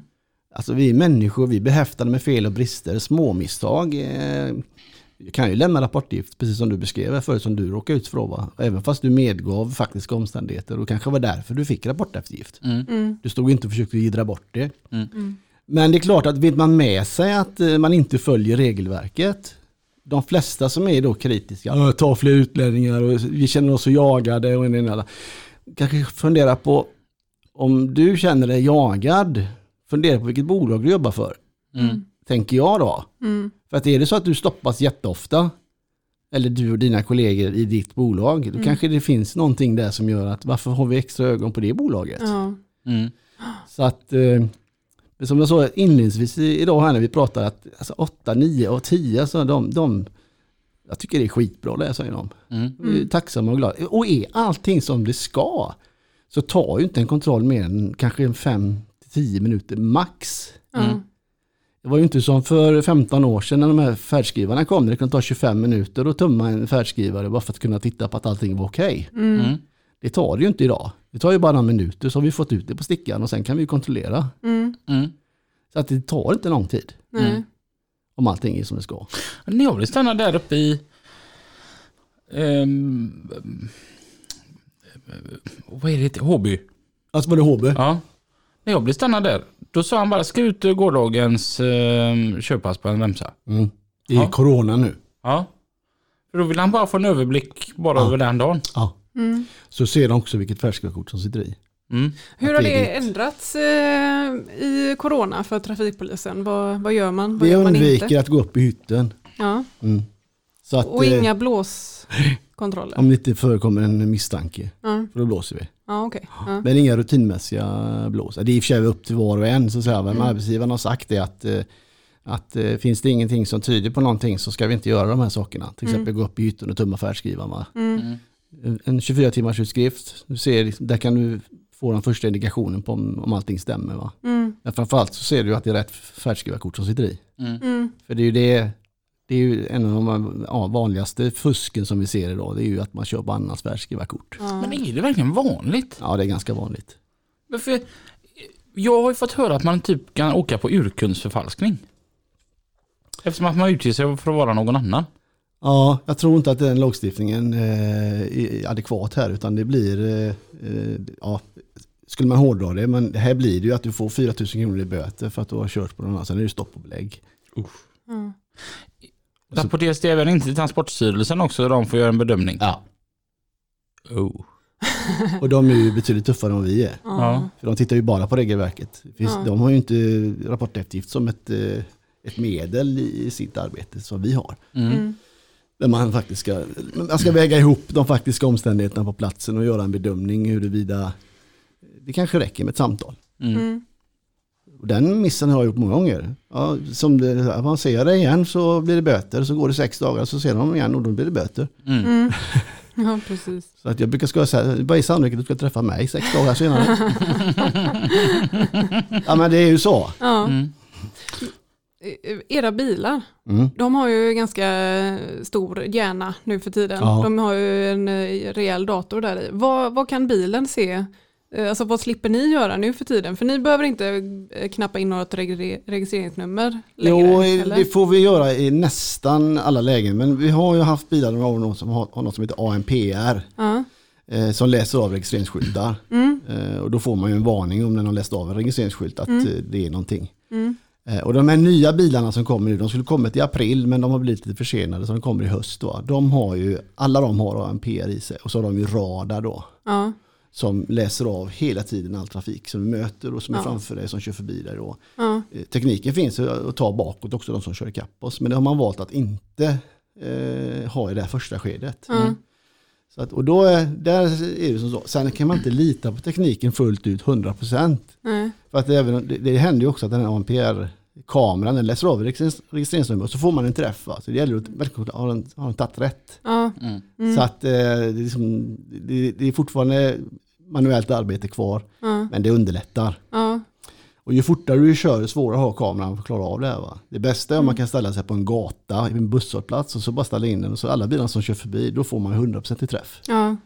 Så Ja, att, för jag eh, vet, jag och Robin har en kompis som körde Mm. Han körde ju med sin bil och jag tror att det var liksom en dag efter att den skulle ha besiktas. Mm. Så att det var ju körförbud på den. Ja, just det. Och han blev stannad två gånger på samma resa. Mm. Eh, för liksom, vad är oddsen? Ja men då har ju polisen Mm. en eh, kamera som läser av. Sen har vi också idag, som i den här telefonen jag har, jag gör ju allting i telefonen idag. Jag behöver inte kalla upp eh, radion längre för att fråga på en bil. Nej. Man fick göra förr, man kunde ju li- bli liggande bakom en bil i 15 minuter för att vänta på svar på, Ja. på den här bilen. Va? Ja. Nu har jag det i telefonen så det tar ju liksom, ja, jag skriver in numret så tar det två sekunder så har jag allting som finns. Mm. Och då får jag ju träff direkt. Mm. Och den som sitter bredvid sitter ju, som vi säger, han sitter och tokslår Ja. På allt som man ser. Mm. Och då får man ju träff. va? Och han- Det kan ju vara så att han har haft sån oflyt att de, eh, han har sett, det var två bilar som råkade slå på han då va. Mm. Är det vanligt att, att polisen slår på en? Ja, dagligen. Ja. Och skriver på bältet. Man brukar säga så här, han har inget bilbälte på sig, då, då ska vi skriva en ordningsbot. Så säger man, skriv på bältet. Ordvits. Dålig alltså. Åh, den hängde inte ens jag med på som är göteborgare. Nej, jag tänkte att, tänk om det är att polisen kollar upp en flera gånger om dagen utan att man ens tänker på det. Ja, det kan mycket väl vara så. Oj. Mm. Det är därför jag aldrig blir stannad. Mm. Men jag tänker, när, när, så jag var inne på den här chauffören då, som många gånger blir lite stressad och upp, nu har vi sett den här silvriga bössen eller den målade och nu, nu ska vi åt sidan här. Vad sker inne hos er? Hur tänker ni när ni ska stanna ett fordon? Ja, det är ju rutin för oss. Man tänker inte så mycket. Inte om det är ett normalstopp. Liksom, ja, men den här tar vi nu för nu, nu, nu, det- är någonting som gör att vi kanske, ja, vi känner för att ta den. Jag har inte sett en lastbil på en stund. För det händer ju faktiskt så att man ställer sig på vägen och väntar på att det ska komma en lastbil. Då kommer det ju ingen. Alltså det är ju, det är ju, det är ju jättevanligt. Ja. Och så kommer den då, va, så, ja men den, den, den tar vi in och kontrollerar bara för att, så vi ska ha någonting att göra. Så säger jag, va. Mm. Men ibland är det ju så så här att eh, man, man, i, om man är två år eller ibland tre och säger att det är en farligt godstransport då. Så, ja, du tar färdskrivaren, du besiktigar och du kollar eh, farliga godset då. Allt så att det är så. Det är ju tre gubbar som jobbar och vi har gjort upp det innan att då gör man det för då går ju kontrollen jättefort. Mm. Någonting man pratar jätteofta med ens eh, kompisar och kollegor om. Har ni koll på olika åkerier? Ja. Så här att, ja men här kommer en bil från Linas åkeri. Vi har ju stannat dem fem gånger nu på två månader. Det är ingenting. Vi skiter i den. Ja. Så är det. Ja. Och här kommer en från Robins åkeri. De har ju fått lite påpekanden. Ja, lampor framför allt. Ja. Den, den tar vi bara för att... Ja, ja men så är det ju. Jag menar, och det är, ju- allt polisarbete utgår ju från erfarenhetsbaserad inlärning. Så att säga, va? Mm. Det är ungefär som, eh, nu kanske jag inte är politiskt korrekt här, va? men de säger att när man är i vissa områden så är det bara utlänningar som blir kontrollerade. Va? Ja, men det kanske beror på att de har utmärkt sig i det här området. Då, va? Och, då, och det är inte rasprofilering utan det är ju för att ja, men det är de som brukar begå brott. Va? Mm. Statistiken Problem, ja, men precis. Problemet är ju att du kan ju missa de här andra då som... Men just om du tar det som det är två åkerier som man har erfarenhet av. Det här åkeriet har vi stoppat ofta, det är aldrig någonting. Kommer det då två åkerier samtidigt och det här första åkeriet säger vi, ah, men det är det, som, det är aldrig någonting där, då tar vi det andra. Mm. Så att eh, det, det, så funkar det ju. Mm. Det skulle nästan vara när man blir stannad hos trafikpolisen som hos tandläkaren när man var liten. Man, man fick någonting ända för att man hade skött sig En bra. liten guldstjärna eller bokmärke. Ja, Ja. Någon liten leksaksödla eller vad. Ta fram en liten box här, du får välja leksak. För att avdramatisera. Ja. Här Får du en Wunderbaum med polisens logga på liksom. Ja. Ja, det hade ju varit Det kul. har varit kul faktiskt, det håller jag med om. Ja, det, ty- det tycker jag till de politiker som lyssnar på det här. Ja, det ska vi ha. Ja. För, för, för att avdramatisera. För man, nu har jag ändå blivit stannad på gånger. Jag tycker det är lite, lite... Ja. Först så tycker man det är läskigt. Mm. Men sen så märker man att det här, men det var det ju inte. Nej. Och sen när du blir stannad för 50 gången så tänker du åh! Nu igen. Mm. Ja men så är det naturligtvis. Och det har jag, först, jag har full förståelse för att man kan uppleva det så. Ja. Mm. Eh, Så att, eh, men man måste komma ihåg, jag vet att vi nämnde det sist när vi var tillsammans här, jag vill gärna nämna det igen och det är ju det här att vi är inte motståndare ute på vägen. Nej. Vi är ju där för att tillse att er arbetsmiljö är så bra som möjligt och att ni kan konkurrera på riktiga och vettiga sätt. Ni har avtalsenliga löner, ni har eh, en arbetsmiljö som gör att ni kan ha några år efter pensionen. Mm. Alltså det är det som allting syftar till. Mm. Och sen att inte ni ska köra ihjäl någon annan. Va? Liksom det, det Ja. också då, va? Ja. Så att allting detta syftar till, vi är inte motståndare. Den Nej. som sköter sig och beter sig som man ska har ju ingenting att frukta. Mm. Så att de som kallar trafikpolisen för motståndarrörelsen, sluta upp med det och börja kalla dem för medborgargarde. Nej, det blev ju fel. De är, med, de är med oss, de är på våran sida. Ja, jag tycker det är viktigt att vi verkligen understryker det. Att Mm. det finns ingen motsatsförhållande egentligen. Mm. Absolut inte. Mm. Alltså bara för att man är yrkeschaufför chaufför eller yrkestransportör så är man inte yrkeskriminell som en del vill säga ibland. Så här, yrkeskriminell har en helt annan individnivå som vi jobbar mot. Mm. De fraktar paket från Colombia. Ja, eller det är så de som skär sönder era kapell. Mm. Ja. Så att det, Ja, det är bra sagt Håkan. Jag tyckte det var en fin upplösning på detta. Att eh, ge fan i och tycka att de är dumma. Mm. med all rätt får ni gärna tycka att vi är dumma om vi är det. Mm. Ja, Alltså grej, grejen är man ska inte vara dumsnäll. Jag menar, blir man illa bemött eller illa mottagen eller någonting så ska man tala om det. Men man, det tjänar ingenting till att gå och ha den tanken innan. mm. Utan eh, ungefär som jag gör, ge personen en chans att bemöta mig på ett vettigt sätt så gör jag likadant. Mm. Och till dig som lyssnar som aldrig har blivit stannad av trafikpolisen. Jag har blivit stannad sju gånger nu tror jag totalt. Sen jag, och det är, det är snudd på för lite egentligen. Ja visst är det det. Jag menar, Med tanke på hur gammal du är? Eller vad tänker du? nej men sju gånger, det är alltså en gång vartannat år. Ja. Och jag har aldrig blivit slagen. Aldrig blivit kallad för elaka saker. Utan de har faktiskt varit snälla poliserna. Mm. Mm. Så man behöver inte faktiskt vara rädd. Nej. Förutom nu när han sitter och håller på hölstret. det, det var nästan att han vaktade vad jag skulle säga. Ja, precis. Nej men alltså det värsta som kan hända egentligen när vi pratar om trafiken då, det är att du kan få böter för någonting. Mm. För att du har gjort ja, fel. Ni slår aldrig chaufförer. Vi Man slår kan aldrig ju chaufförer. dra, dra tillbaka ett körkort också. Ja. Men det är, det är egentligen en civilrättslig handling som, är- som, inte, som vi gör åt en annan myndighet. Ja. Det är ju Transportstyrelsen som återkallar körkorten. Vi Ja. omhändertar dem och skickar till eh, Transportstyrelsen när kriterierna är uppfyllda. Ja. Vi fattar aldrig beslut i körkortsärendet. Det kan hända att Transportstyrelsen väljer att lämna tillbaka det. Ja. Eh, Det är många som inte har riktigt koll på det här. Mm. Polisen har tagit mitt körkort. Ja, det har vi gjort. Vi har omhändertagit ditt körkort. Så skickar vi det till Transportstyrelsen som är körkortsmyndighet. Mm. De fattar sedan beslut om vad som ska hända. Mm. Det är ungefär som när vi ska åka, vi åker med läkare för att göra bedömning på någon som är psyksjuk. Mm. Det är inte vi, vi är bara det som, som stöd och hjälp, hjälper till. Ja. Samma sak är med körkorten då. Mm. Mm. Grymt. Mm. Vad, vad mycket bra information vi har fått eh, denna timmen som har blivit en och en halv. ja, precis. Det, det, det är så roligt att ha det här Håkan. Ja, men det är det verkligen. det, det ja. bara sprutar av frågor. Det var roligt att vara här också. Ja, ja, du får komma tillbaka om något år igen. Ja, Då har vi laddat på med ännu mer färska frågor.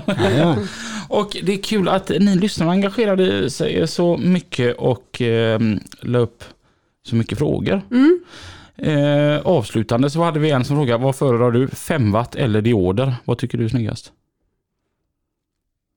Jag skulle nog säga 5 watt då för de är inte lika starka som dioderna. Bra. Håkan Klingborg, tusen tack för att du kom hit till Lastbilspodden. Tack. Vi hörs igen Nästa vecka. klockan nio. Hej då! Hej!